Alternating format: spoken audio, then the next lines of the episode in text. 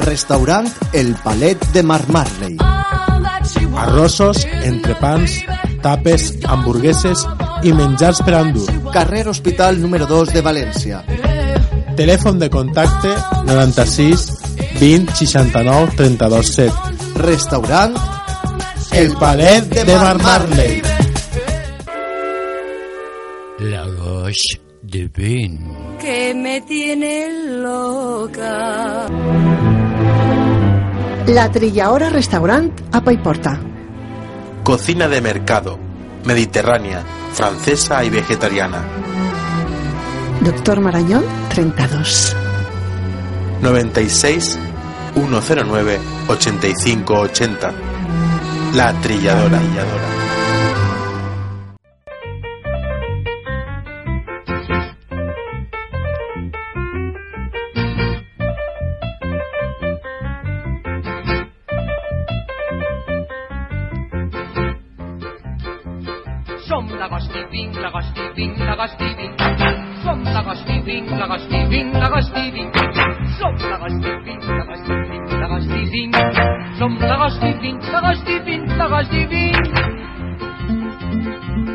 Ens agrada finament beure whisky amb Coca-Cola i freqüentar les botiques para estar más a la moda. Molt bona nit, un dimecres més, així a Radio Clara, a l'agost divin. Bé, jo vaig vos vaig faltar la setmana passada perquè caigo molt maleta. Estic molt maleta. Però bé, eh, anem a intentar fer el programa sense tos. I... Ara estàs molt boneta. Ai, moltes gràcies.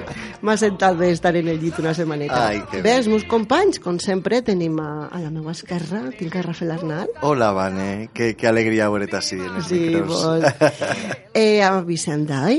Vicent està així també amb moltes ganes de donar-vos besets, que avui és el dia del beso. Ah, sí? El De bes. tots els besos. Mua, mua, mua, Blau, besadetes. negre, de tot. Chico, de tots els sí, colors. Tots els colors. I a Raúl Martínez, que t'enviem també un besorro molt gran des d'ací de la taula. Si Rafa està al goig, Vicent a la trobat, Ara trobat. jo, I tu, al A mig... los Tontua, tontua, tu droit. A centre. Bé, avui sabeu que és el programa número 20, 25. Sí? sí. Por eh, teico, eh? Molt bé, estem a 13 d'abril, fantàstic. I bé, primer de tot, vull donar un bes molt, molt gran a un amic que ha perdut la vida en, en la muntanya, desgraciadament, a Fernando Bielsa. Eh, volíem donar al de, la- des de, la, de, de part de la Gust Divina a tota la família i als amics una abraçada ben forta. La goig divin. La goig divin. En Radio Clara. i anem a la... les xarxes, ai, les xarxes. La xatxa. Les xarxes socials. Xarxes socials. Mireu, tenim a arroba Goix Divin RK, R de Ràdio K de Clara, ja ho sabeu.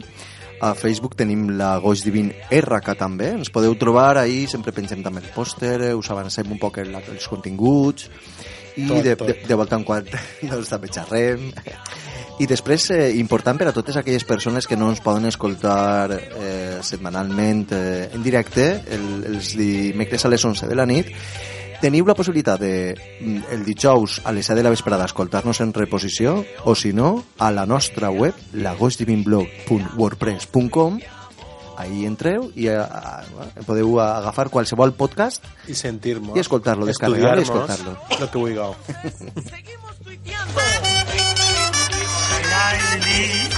Soy Shanghai Lili, como decía. Soy maricón, feminista, ateo, rojo, anticapitalista y republicano.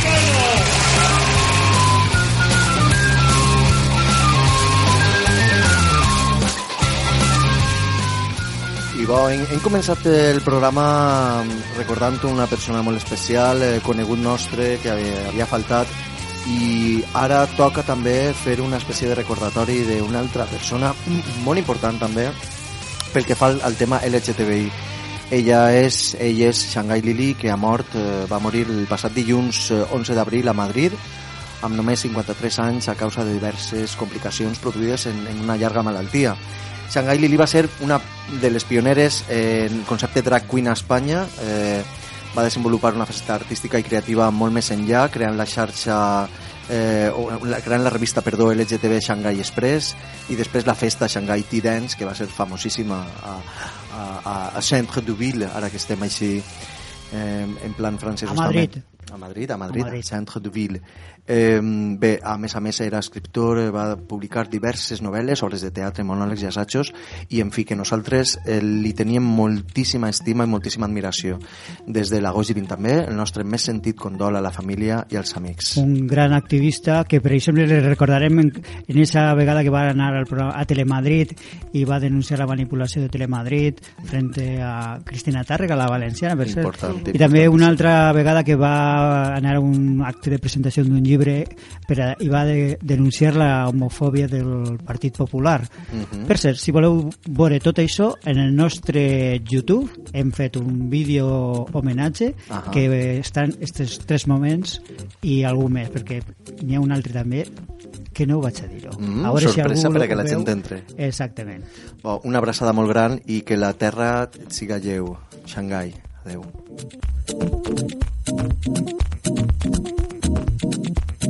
Lagos Divine Radio Clara.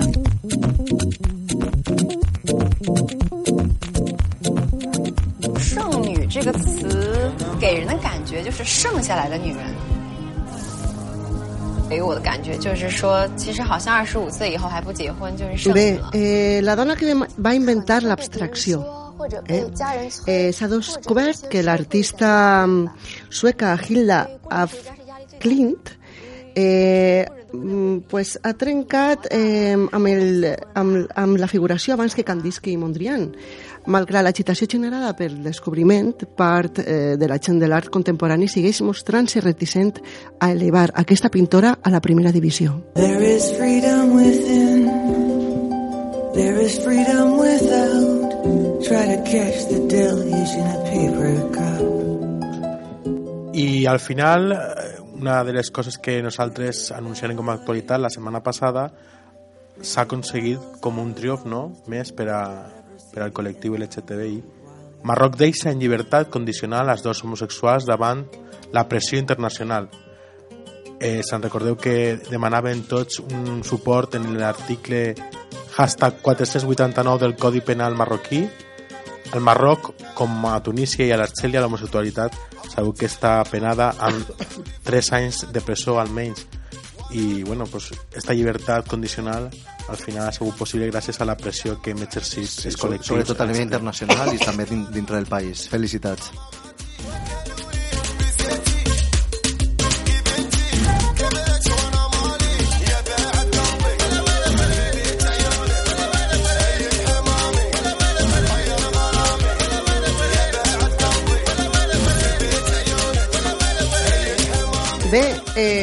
per a la gent que té fills o filletes xicotetes, bé, de vegades tenim que menjar-se dibuixos animats espantosos. I en esta ocasió anem a parlar de la patrulla, la patrulla canina, o com diu el meu fill, camina, la patrulla camina. Bé, eh, sabeu que ha fet un merchandising, merchandising, Merchandising. Eh, molt sexista. Eh, dels 5 o 6 personatges que són tot gossets, l'única gosseta l'han llevat directament i no Uau. apareix en, en les motxilles mai millor dit, uau. Uau. Una prova més de que les coses encara estan per fer. Juntos lo conseguirán. Bajo control. Ya está aquí. Ya llegó la patrulla canina. Tío Maleno y tío Realo. Dos personas que lo saben todo de la cultura gitana. Maleno. ¿Qué opináis los gitanos de los homosexuales? Que si son de nacimiento, está bien. Ahora, si es de vicio, no, no me gusta. Pero hay de vicio. Hace un tiempo recibí un mensaje de un chico de 14 años. Es gitano. Es un mundo muy machista. El papel de la mujer, por ejemplo, es el de casarse a temprana edad, tener hijos, cuidar de esos hijos, alimentar a los.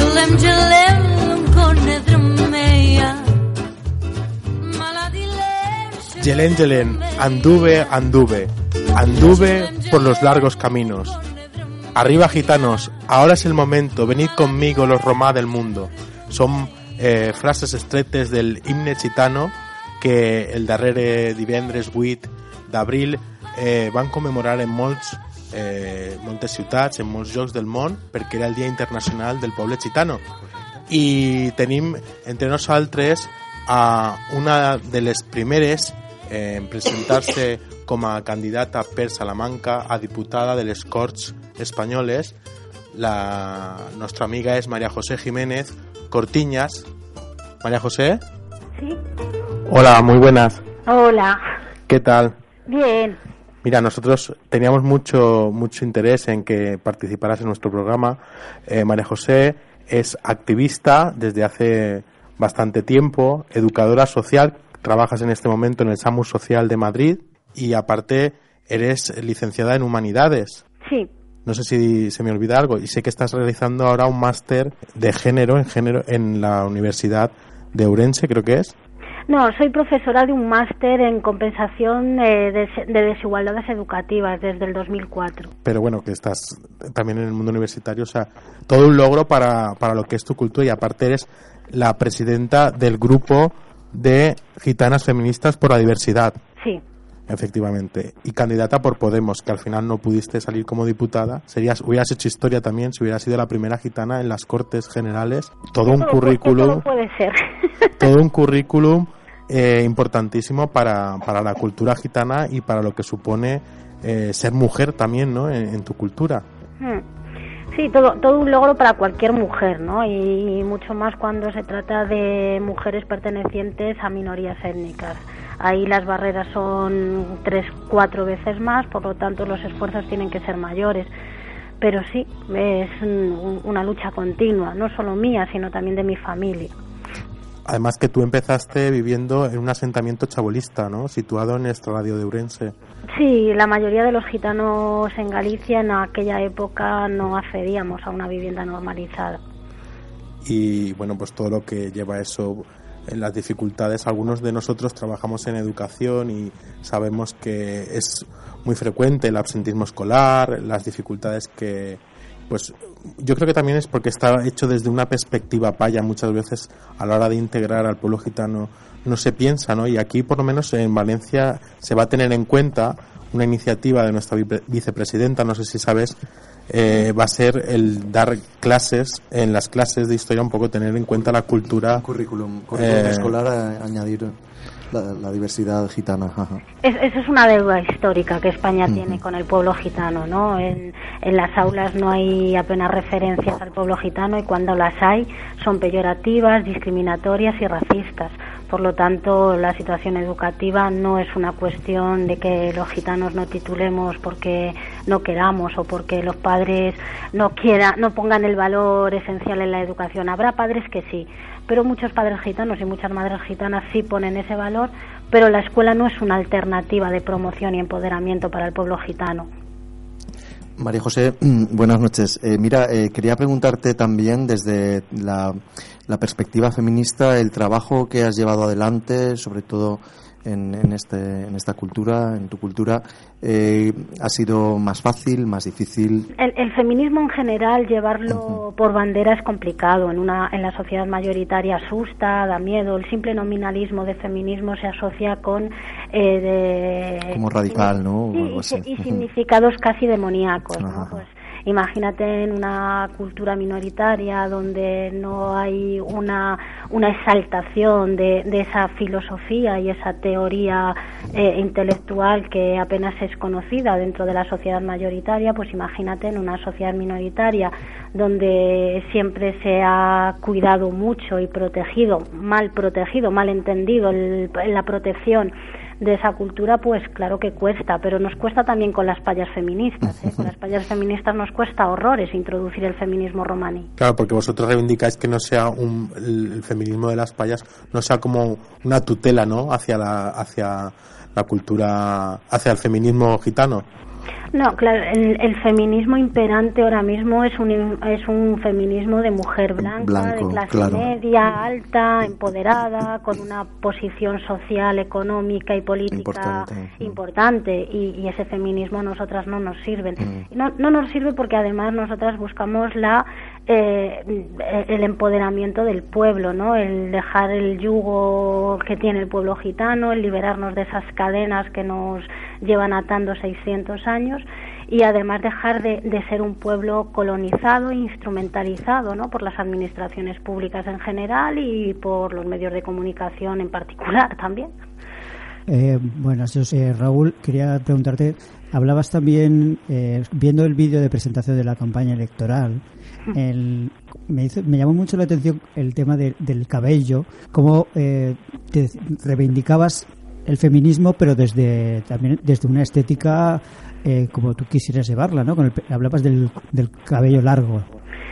Hablaba del cabello largo por una nota muy curiosa que nos pasó hace unos meses, ¿no? Cuando nosotras eh, nos reunimos con, con grupos políticos y con asociaciones feministas y profeministas, eh, fue curioso porque nos reunimos con un grupo de mujeres del PSOE de aquí de Madrid y a la máxima representante del feminismo de Madrid de- dentro del partido de- de- del PSOE se le ocurrió decirnos en una reunión formal que lo que tenían que hacer las mujeres gitanas para liberarse era cortarse el pelo. Claro, entonces eso es clamante. Sí, y es para, y para- y las musulmanas quitarse el velo, ¿no? Claro, y para Entonces, las musulmanas quitarse el velo, está claro. Ese es el feminismo imperante eh, blanco. Hablaríamos de decolonizar el feminismo, ¿no? un poco de... De, co- de feminismos comunitarios. En el Claro. momento en que hablemos de feminismos comunitarios, el feminismo imperante blanco se destruye. Y cada vez que hacemos un discurso desde esa perspectiva del feminismo y además con carga eh, intelectual y filosófica, está claro que las feministas payas no tienen por dónde salir porque realmente están haciendo un feminismo equivocado. Están, están haciendo un feminismo para una clase privilegiada. Están haciendo lo mismo pues que, que se hizo anteriormente con el tema de la interculturalidad, ¿no? Sí, muchas de las reclamaciones que estáis exigiendo desde el feminismo gitano es reclamar la libertad, si casarse y tener hijos o no, es una decisión vuestra, la libertad sexual, la situación de las viudas, que es preocupante ¿no? en la población gitana, y de las inmigrantes rumanas.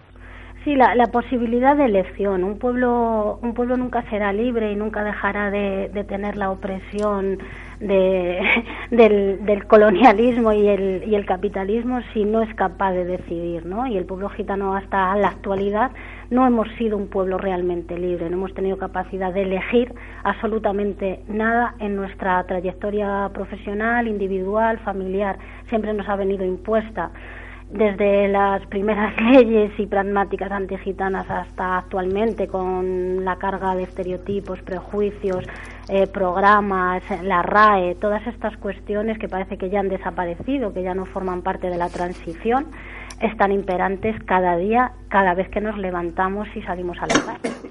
Efectivamente. Y bueno, y luego nosotros sabes que somos un programa de corte LGTBI Sí. que, bueno, que tendrías que decirnos en, si ya es difícil ser mujer, si ser, eh, pues dentro del grupo de, de gitanos, ¿cómo sería el tema de ser gay o lesbiana o, o transexual incluso, ¿no? Dentro de la población gitana. Sí, que eh, a ver los hilos. Claro, ¿no? claro, sí. Eso es una, es una verdad como un templo. Es complicado, es complicado porque... Si es cuando- complicado para este, Sí, para la sociedad para el mundo payo, imagínate, ¿no? Es, es complicado, pero eh, nuestra, nuestra defensa o nuestro discurso en esa línea es muy clara. Es que si una parte de una comunidad que ya está oprimida de por sí, que ya está instrumentalizada, marginada y pervertida, si dentro de nuestra propia comunidad hay un colectivo minoritario o una comunidad minoritaria que forma parte, que tiene una otra identidad sexual, que nosotras mismas o nosotros mismos marginamos y, y denigramos, ¿qué clase de liberación va a tener el pueblo gitano si no se significan todas las diversidades dentro de un pueblo? ¿no? Y además nosotros nos jactamos, el pueblo gitano nos jactamos de solidaridad, ¿no? Entonces vamos a ser consecuentes con nuestra cultura y vamos a ser solidarios con los nuestros. Efectivamente. María José, antes de despedirte, la verdad es que estaríamos contigo hablando toda la noche, pero tenemos un programa muy reducido. Espero que, que puedas, que puedas entrar en, en el próximo junio, que haremos un- una- unas jornadas un poco más de diversidad. A, ver si, claro.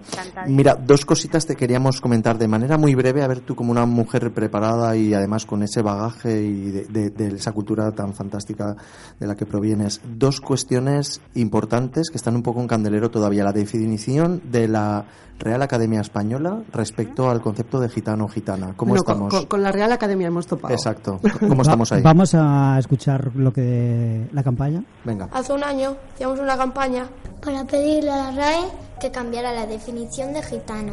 Y aquí estamos otra vez. Pero esta vez no queremos decirle nada a la RAE, no. Porque ahora sabemos que lo del diccionario molesta bastante. Pero lo de la televisión es peor. Por eso queremos pedirle a los que mandan en la tele que no hagan programas así. O mejor, queremos que tú digas... Telebasura no es realidad. Telebasura no es realidad. Telebasura no es realidad. Telebasura no es realidad. Telebasura no es realidad. Ese es el hashtag para Twitter que tenemos que tuitear ya, Sí, desde ya. en desde este ya. momento todos los oyentes de Lagos de Exacto, el- la segunda cuestión candente también era lo de telebasura no es realidad. Eh, Así brevemente, ¿qué nos puedes decir? Pues te puedo decir que Gitanas Feministas lleva como año y medio eh, con una campaña mm, brutal en contra de la RAE, recogiendo firmas, abriendo un, ca- un canal de firma electrónica, eh, manifestándonos delante de la Real Academia cada tres meses, eh, haciendo vídeos a través de famosos que condenan esto. Además nos manifestamos la semana pasada delante de la puerta de Mediaset España. Nuestro, nuestro activismo es cada día y sobre todo con, con- para destruir estas cuestiones no tampoco es una cuestión que sea eh, responsabilidad nuestra. Esta es una responsabilidad social es una responsabilidad civil y es una responsabilidad ciudadana democrática. En todas estas cuestiones se nos ve a cuatro personas a cuatro locas que salen a la calle llueve nieve o salga el sol abrasador. Pero el resto de la sociedad no estáis ahí el resto de la sociedad no os hacéis eco de esto, de estas grandes, eh, son, son delitos de odio. Lo que se está promoviendo dentro de la sociedad española son delitos de odio de una manera totalmente permisiva en contra de un pueblo entero. Y el resto de la sociedad no toma cartas en el asunto. Así como hemos tomado cartas en el asunto, si nos hemos desgarrado las vestiduras con pueblos que están siendo marginados y machacados como el pueblo sirio, el pueblo gitano no está siendo defendido de esa manera por la sociedad mayoritaria porque no, no, no, no duele tanto, ¿no?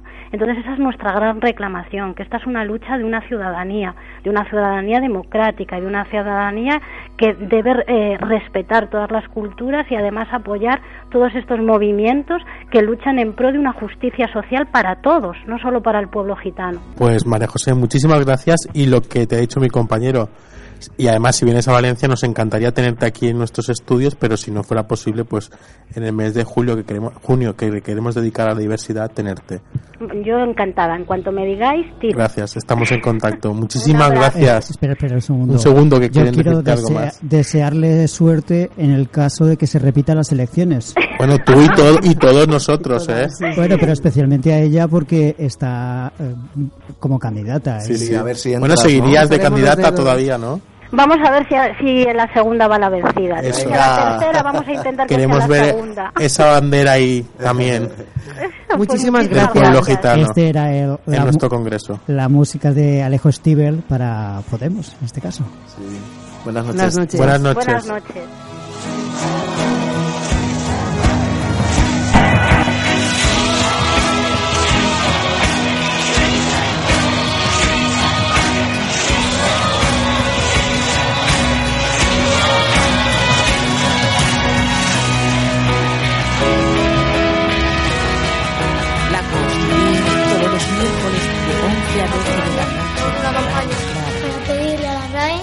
Cambiara la definición de gitano.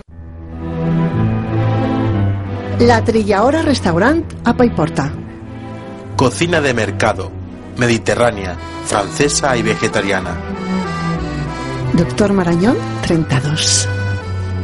96 109 85 80. La Trilladora. Restaurant El Palet de Mar Marley. Arrosos, entrepans, tapes, hamburgueses i menjars per endur. Carrer Hospital número 2 de València. Telèfon de contacte 96 20 69 32 7. Restaurant El Palet de Mar Marley.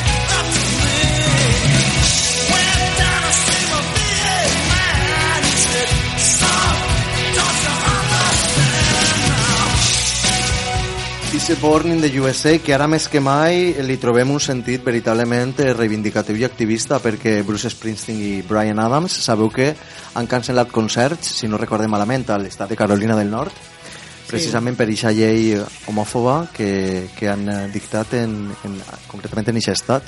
Llavors, eh, eixe Born in the USA és un cant actualment eh, per les llibertats.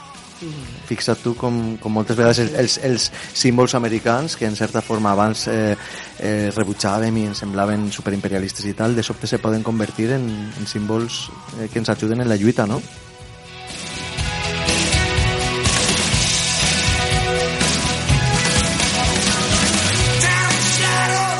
I és que té raó que a vegades les coses que semblen que és d'una manera mires més més concretament i trobes que tot no és el que pensaven.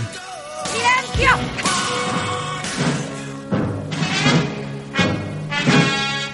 Me llamo Teniente Harris.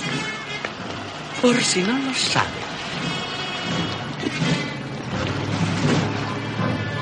Este es el sargento Callahan. También por si acaso. Tenemos una considerable mala uva. Y nos han encomendado su instrucción porque ustedes son la E. Ustedes son el pelotón B. B de bazofia. Cuando yo diga, ¡eh, bazofia! Me refiero a ustedes. Me van a odiar durante el resto de toda su vida. Voy a hacer que se arrepientan estos de haberse herois o antiherois Bé, Més eh, recordeu, recordeu esta pel·lícula que que forma xula. part de la nostra adolescència, no? Sí, Infantesa. l'adolescència. Eh, eh, Vicent, no tu havies nascut, carinyo. Sí. Eh, ell és Bé, tres o quatre anys més jovenet que nosaltres. Però tampoc. Bé, està- que que estàvem es- estàvem escoltant a Loca Acadèmia de Policia 1. O dos, o tres, No, o no. ocho. I bé perquè eh, em feia gràcia, és una forma d'introducció, que volem presentar un convidat molt, molt, molt especial que ha vingut esta nit a l'agost de 20 especialment. Tenim a Àngel Tiolino, eh, que és membre en actiu del cos nacional del policia, al qual va accedir amb la ferma convicció que si hi havia alguna, alguna manera de canviar el sistema era des de dins.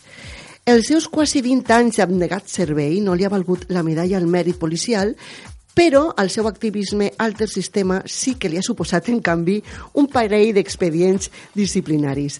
En l'actualitat, eh, plàcidament, instal·lat a la caverna i convençut que el sistema no es canvia ni des de dins, dedica el seu temps lliure a plasmar la seva frustra, frustració i les seues desventures en pàgines i pàgines carregades d'humor políticament incorrecte i de crítiques a la seva estimada institució i a la societat en general. Molt bona nit, Àngel Tiolino. Hola. Arriba't al micròfon. Apropa't. Bé, eh, Uy, hemos venido a hablar de tu libro. Sí, voy a hablar de mi libro. Eh, bueno, quería avanzarte que vengo en calidad de escritor, ¿no? Que en ningún momento las declaraciones que pueda hacer aquí son en calidad de policía ni representan al cuerpo al que, al que ac- accidentalmente pertenezco, porque vengo aquí a hablar de mi libro, efectivamente. eh, Sí, ve, ve en qualitat d'autor del llibre mm, Mal follados y sin amigo, sin amigos, el, anti- el antihéroe que la policía necesitaba. Sí, sí, sí, sí. sí. Eh, bueno, mm, es difícil presentar un libro y no hacer spoiler. Yo me lo he leído, me he partido de la risa.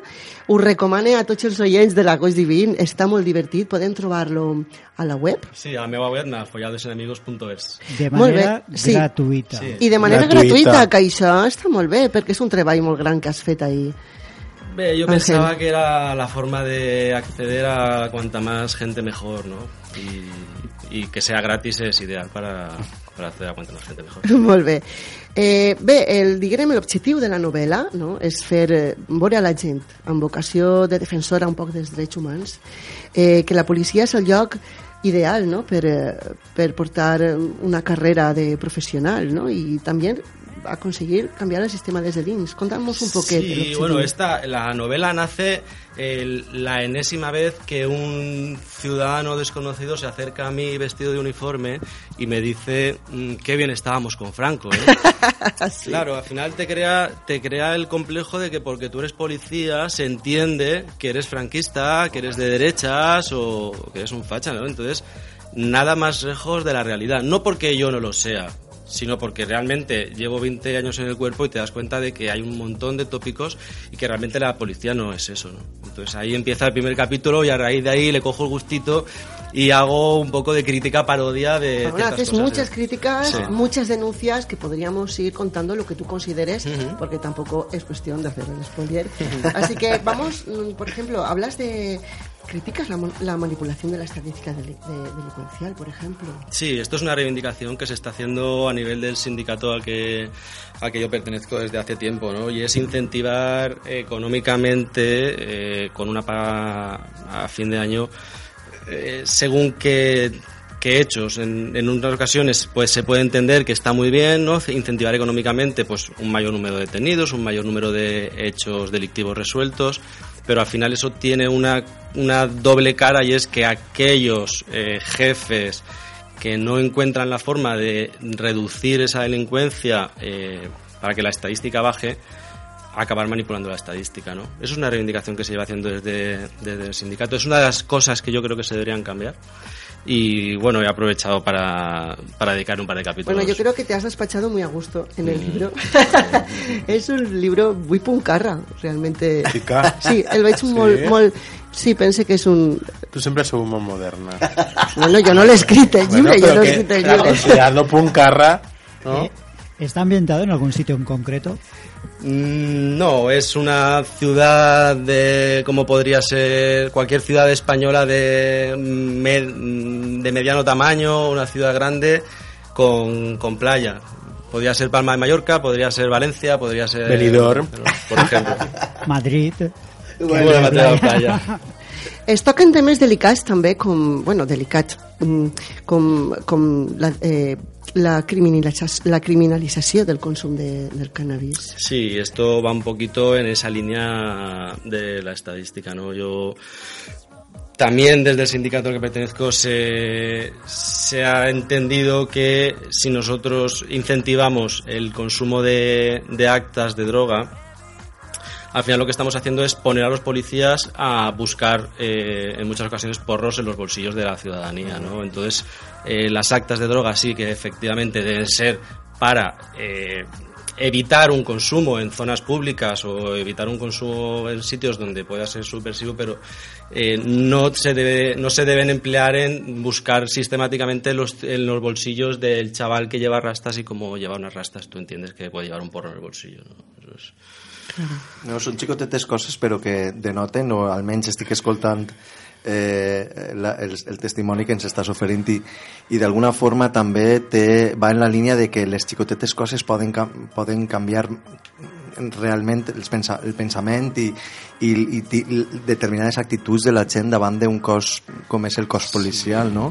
Com des de, des de dins i com ho estàs plantejant, veritablement tenint consciència d'aquestes coses i, te, i un altre punt de vista respecte de com s'està actuant, eh, doncs ah, jo, jo, jo també pense personalment la policia és un, un cos que no ni me preocupa ni me despreocupa. Vull dir, eh, millor que est estiga lluny però en certa forma m'agrada moltíssim que hagis vingut a l'Agoix perquè eh, també nosaltres des de la perspectiva activista i tal el fet d'acostar-nos a grups que de, de manera prejuiciosa eh, Sí, diuen són grups repressius ta, ta, ta, vale però molt bé, ja una volta s'ha dit això anem a veure, anem a buscar persones, ell, no? actituds Que- i per tant en, en aquest sentit pense que és un testimoni supervaluós no, el teu Bé, eh, m'agradaria parlar un poquet del personatge. El personatge eh, està inspirat eh, perquè... És que me surt una ràbia no poder contar massa, però és un personatge com un poc que li pe, eh, pegada, passada de rosca, no? Passada de rosca en el sentit que malfollat, com diu el, el, el, el, el, el títol. El, el per sí, el personaje es una parodia de mí mismo. Quiero decir, al final esta novela es una gran broma muy seria. ¿No? Porque yo empiezo criticando a ese señor que se piensa que porque soy policía soy un facha, luego empiezo a criticar otras cosas que me gustaría cambiar, que luego paralelamente a nivel sindicalista, porque yo formo parte de, de un sindicato policial, también se intentan cambiar y esto es una forma de sacar, de Mm. sacar todo aquello que no me gusta la excusa de, del malfollado es que al ser un tío infeliz, amargado, lo que hace es hablar mal de todo, ¿no? Porque realmente contrasta mucho con el, con, conmigo, con el, con, el, con el escritor, que realmente es una persona que ama a la policía, que, que, vive, que vive el trabajo policial de una forma orgullosa, que entiende el trabajo policial como una forma de servicio a la ciudadanía, ¿no? De, de bien público ¿no? Claro, De- y, y, esa es la gran diferencia entre el personaje y yo, pero había que darle una excusa para que el tío se dedicase a criticar todo aquello que, que no le gustaba. En la novela, una madre cleptómana, fumeta y que y se a- le gusta perderse en una autocaravana. Y, a- y adicto ¿no? al diazepam. Y, a- y adicto al madre. y a la PlayStation.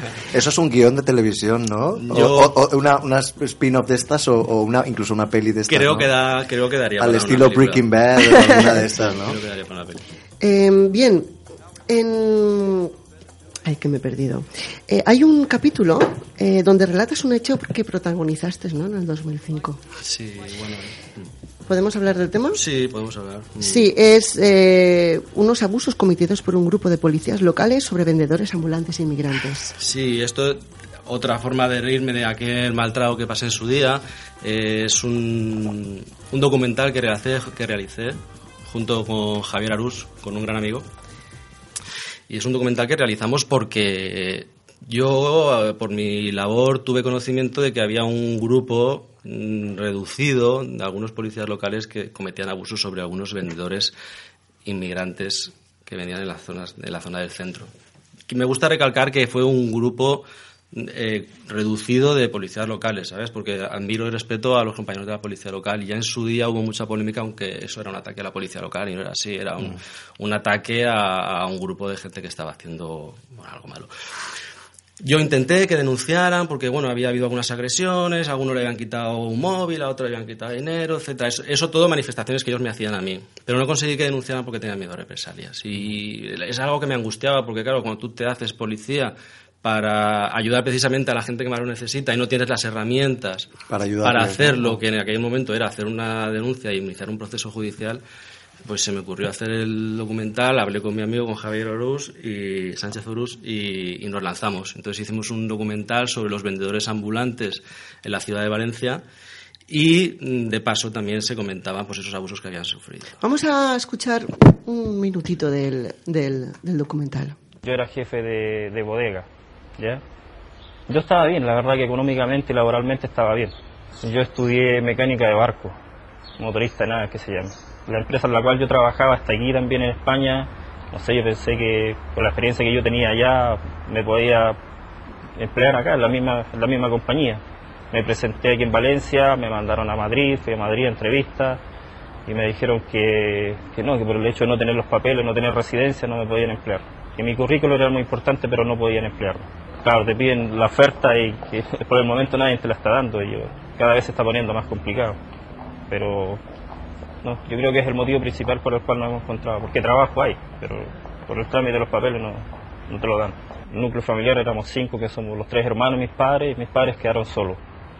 Sí, bueno, yo sí mando dinero a, a mi familia, sí, sí le mando. Hay temporadas en que sí la cosa, la venta, porque yo me a la venta en la calle, va un poco mejor, ya, pero muy poco, muy poco. Del año y tanto me han cogido dos o tres veces, ya. Las primeras veces, bien, pero de un tiempo a esta parte ya la cosa ha cambiado, el trato hacia nosotros está un poco más, más violento, ya. Eh, no he tenido grandes roces, pero sí he sabido de compañeros que venden en las calles conmigo. que I am a very stylish girl. Bueno, se ahí un, un poc de música, però vaja, el, el, hem sentit l'extracte del documental que ens estava parlant Àngel i bé, podem trobar-lo al YouTube. Són uns testimonis de, de gent que, vaja, que se busca la vida. Recordem el títol del documental. Sí, es Sí, diu... El documental se llama Con su permiso y hay un enlace. En, en la página web de Malfollados y sin amigos tenéis un enlace, Mm. podéis verlo a través de, de la web también. Bé, jo volia fer una pregunta a col·lació de que tenim així a un amic nostre policia, encara que no vinga en qualitat del cos, però té el seu cos, no?, i també pot opinar. Vicent, Vicent. Ahí es el cuerpo. I, i pot opinar.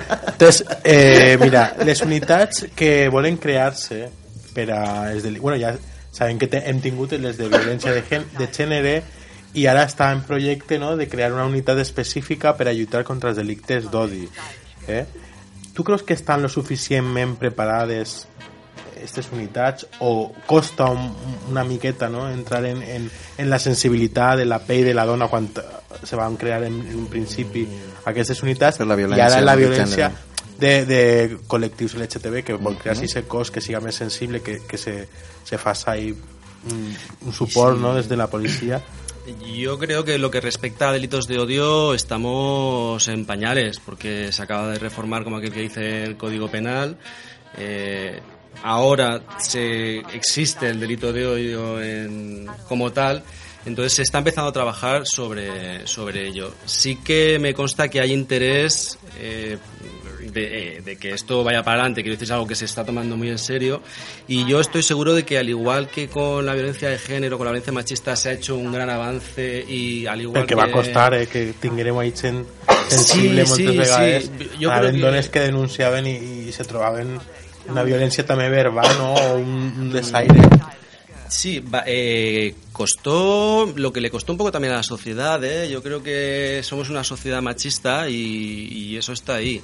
Y, y ha y la policía ha evolucionado al ritmo que ha evolucionado la sociedad. Yo me atrevería a decirte incluso que, que más, porque se nos exige en estos temas sensibles se nos exige más que a cualquier otro profesional, ¿no? Porque tenemos Claro. que dar un- una imagen. molt Estoy seguro de que, de que se va a trabajar con el tema de los delitos de odio y se va, y se va a contribuir a la sensibilización. Nosaltres ahir en, en lo que hem ficat de cartell eren dos policies agafats Sí, de la mà sí, del m'agrada Sánchez la foto, sí. i, a, i a més eren de, de, de San Francisco Això és de l'any 72 en, en, en el- la marxa gay de, en Los Ángeles. Però és que n'hi ha molt, molts policies de San Francisco que són gent homosexual que està ahí, clar, són molt més sensibles a, a les problemàtiques Clar. que puguen eixir en, en el barri del Castro, no? O, doncs Que tu has estat en San Francisco? Jo no, però, però bueno, m'ho han contat, m'ho han dit. Lo he leído, lo he leído. Sí. Eh, més coses. En, en, en, diguem, en la segona part, la segona part de la novel·la eh, fas un alegato particular en contra dels centres d'internament per a estrangers, Els per a CIEs, CIEs. sí. Terrorífic, no? La segunda parte transcurre íntegramente en un CIE. A Ángel Teolino están cansados de él, ya no saben qué hacer con él sus jefes y lo castigan a- al sitio al sitio donde, donde más daño le pueden hacer, que es, en, que es en un CIE, ¿no? que es ese Guantánamo Made in Spain.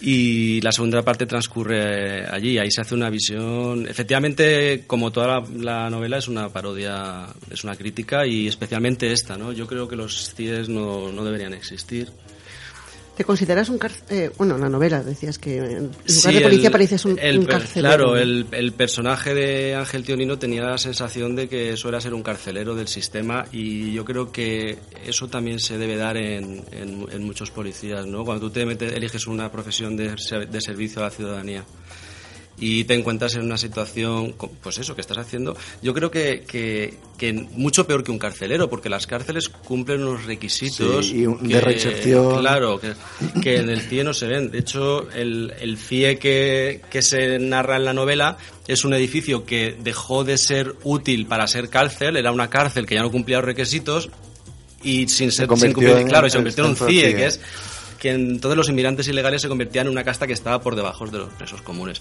No obstante, yo creo que al final los CIE no deberían existir, sobre todo porque las políticas internacionales que se hacen son políticas de expoliación y de explotación de, de África y, y de Latinoamérica, ¿no? Si realmente se hicieran, no se, se condonasen la deuda a los países africanos que se gastaron, que se gastaron los dictadores en sus palacios, si no se explotasen los minerales que se explotan en África, si no se hubiera explotado Latinoamérica como no se hubiera explotado, y las políticas al desarrollo fueran realmente al desarrollo en lugar de a llevar empresas españolas que se encarguen de, de hacer negocio en esos países, la inmigración eh, daría, un giro, daría un giro, claro. O sea, al final se trata de redistribuir la riqueza, ¿no? Entonces, los CIEs no deberían existir mm, simplemente por eso, ¿no?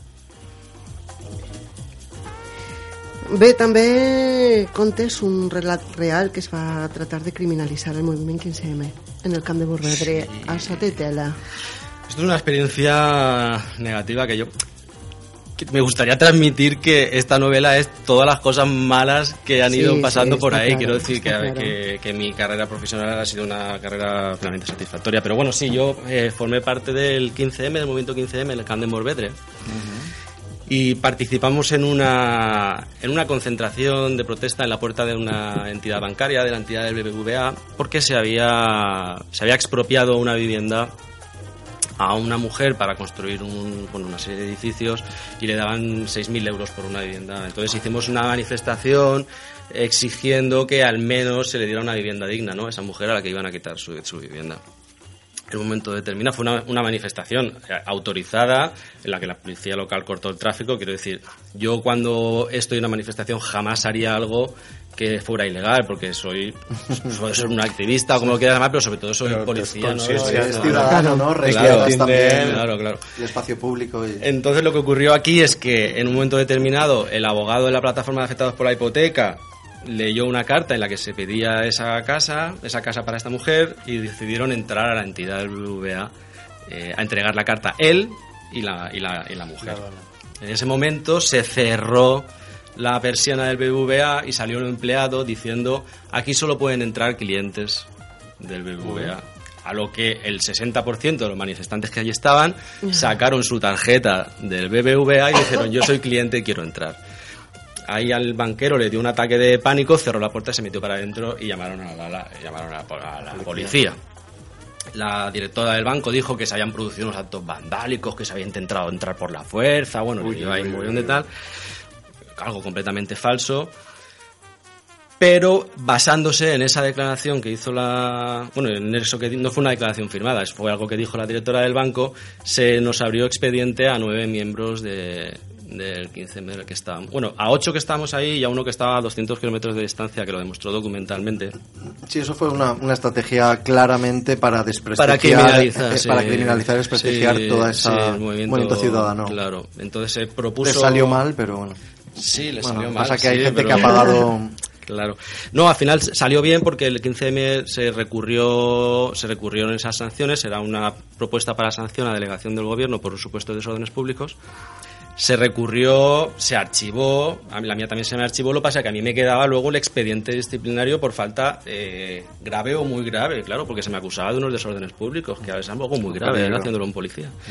Pero bueno, eso se lo supe defender bien y conseguí, yo creo que demostrar que se trataba de una persecución ideológica por parte de un individuo que en ese momento era el jefe de esa comisaría.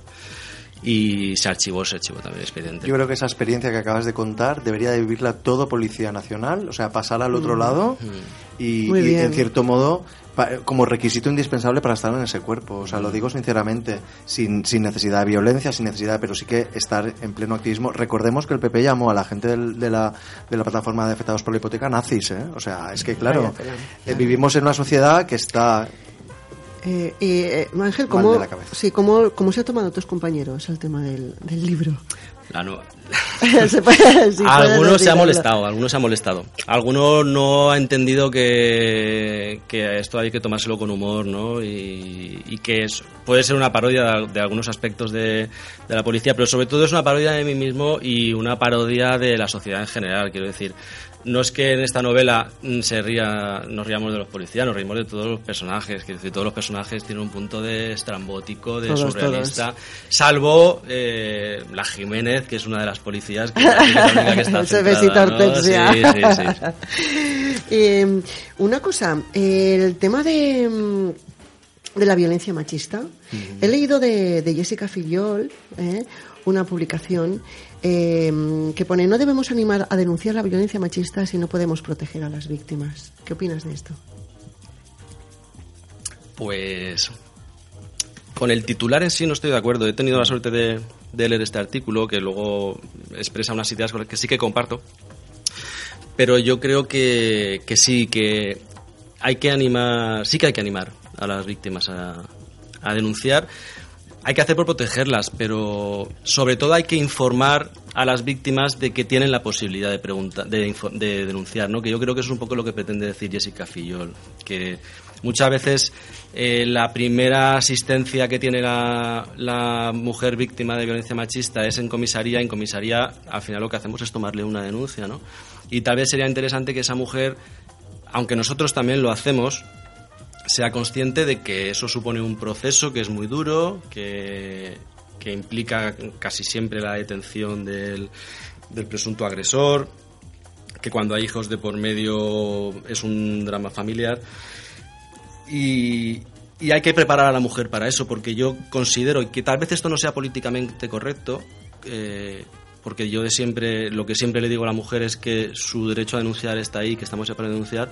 Sí que es verdad que esa mujer tiene que ser consciente de lo que, de lo que tiene, de lo que le espera por delante, ¿no? Y, y- y debería estar informada, tal vez asistida por, por un psicólogo o por una psicóloga que le informe bien de, de esto. Pero yo creo que sí, que hay que animar a las mujeres a denunciar porque es para- ahora mismo la única forma de salir de ahí, ¿no? Recordem que podem fer la denúncia al 016 i que no apareixen les factures ni en cap... Eh, no queda registrada en ningún lloc. De fet, ahir crec que va ser assassinada una altra dona. Sí, a Benidorm. A Benidorm, correcte.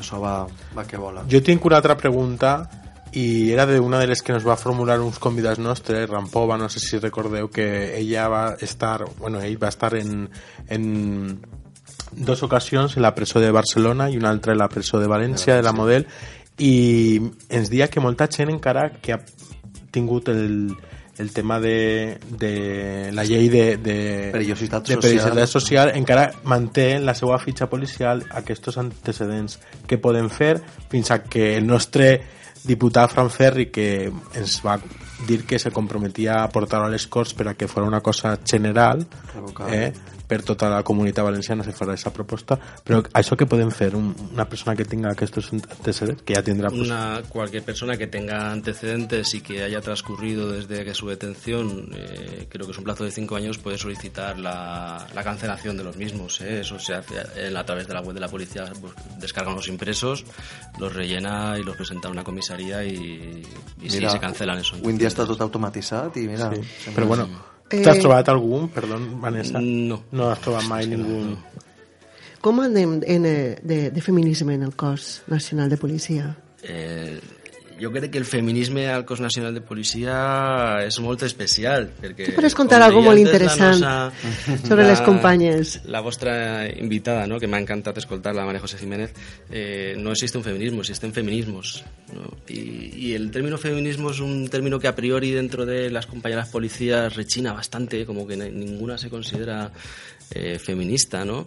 Curiós. Pero incluso eh, hay, hay- yo creo que también hay un concepto equivocado de lo que es el feminismo, ¿no? Nadie, son mujeres que no piensan que el feminismo, al fin y al cabo, lo que exige es la, la- la- la igualdad entre hombres y mujeres. Piensan que es una especie de machismo invertido o algo. Pero a mí Bueno, me muchas personas, ¿eh? que sí, piensan así. sí. A mí me. Me hace gracia porque yo creo que las policías son feministas per se, ¿no? Porque una mujer que elige una profesión de, de hombres que se está codeando con compañeros que en gran... Claro, las mujeres forman son un 13% dentro de la Policía Nacional, ¿no? Entonces que están todo el día trabajando con hombres que hacen un trabajo que en ocasiones implica coger a un delincuente, a un presunto delincuente y reducirlo, esposarlo, tal... Eh, es- por aunque ellas lo nieguen, son, son feministas, ¿no? Claro, tú y, tú co- y eso hay alguna que, me vamos, que se van a enfadar conmigo. Pero es verdad, Estarán al fin y al escuchando, cabo, un besito para son, ellas. son defensoras de la igualdad, ¿no? Entre hombres Claro, y aparte me mujeres. comentaste es que son mujeres empoderadas. Claro. Y claro, ellas incluso a lo mejor no pueden entender por qué las demás no nos empoderamos, ¿no? Sí, bueno. Algo así, ¿no? No, Podría esto ser. viene a raíz de lo que hablamos de violencia de género, ¿no? Yo creo que tú me, me con- considerabas que era que lo ideal a la hora de hacer una denuncia de violencia machista que fuera una mujer Sí, la que atendiera sí, a la víctima, sí, sí, ¿no? exactamente. Y yo te decía que, que no necesariamente, ¿no? Porque eh, hay hombres con una gran sensibilidad. Yo durante dos años he estado trabajando en un grupo de atención a la mujer víctima de violencia de género, el Servicio de Atención a la Familia. Y yo creo que es más importante tener una especial sensibilización Claro, con lo que empatizar, supone ¿no? el problema que no el hecho de ser hombre o mujer, ¿no? Una petición de empatía, ¿no? Antes escuchábamos la anterior convidada y la propuesta del hashtag de la telepresura que no, No es realidad. ¿Cómo ves las series de policías? Porque sí que es verdad que últimamente están, em, digamos, eh, las policías cada vez son mm, más mujeres y más fuertes, ¿no? En ese sentido, las, las, dire- las directivas, ¿no? Como la serie eh, de... Sí, las, las comisarias o, ¿no? Ujú.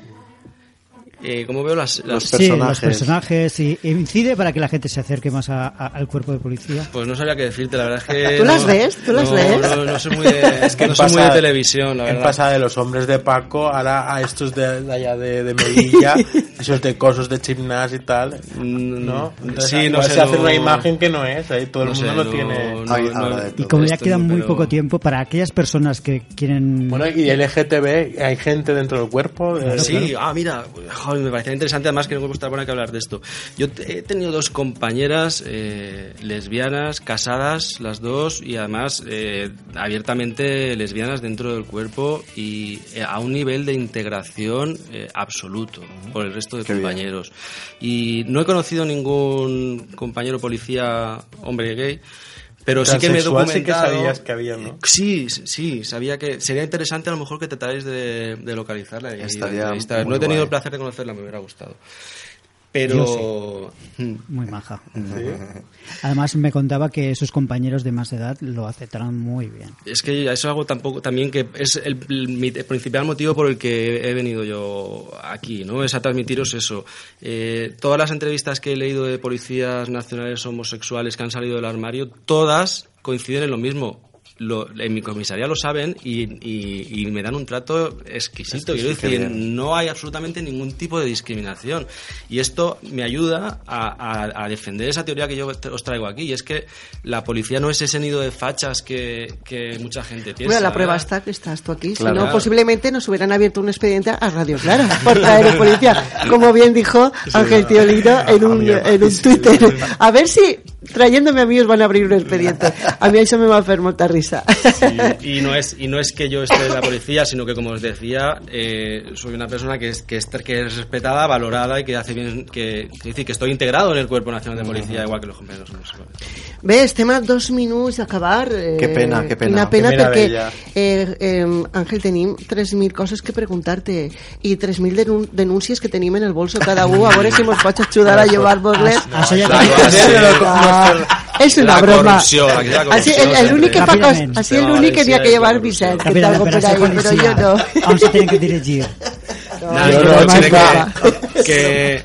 que entren en la web de, de la policía, que busquen la base, pero sobre todo que recuerden que no hay nada más de izquierdas ni, ni más alternativo que eh, proteger el libre ejercicio de los derechos y libertades de la ciudadanía, ¿no? Que se rompan eh, todos esos esquemas de que la policía es para los fachas, no, la policía es para la gente que cree en el servicio público, que cree en el servicio de la ciudadanía, que cree en los derechos humanos, en, En la- las en las- en los derechos de las minorías, en las libertades. Esa es la policía. No, no la imagen que tiene el resto Bueno, s'hem quedat en ganes també de parlar d'antidisturbios, que crec que no dona temps. Ho deixem per un altre programa, eh, però vaja, Àngel, ha sigut tot un plaer Moltes tenir-te gràcies. al A més, és del meu barri i, i vamos, i company de, del Gràcies carrer. Una besaeta. Demà recordeu que de 7 a 8 podeu tornar a escoltar el Bueno. programa. Un peto molt gran a tots i a totes. Soy Tole Muedano, Tole Jazz. Os espero el día 23 en el Botanic de Valencia. Una salutación muy fuerte para los de Lagos Divin. Let me tell you about a boy I know. He's my baby and he lives next door. Every morning for the sun comes up.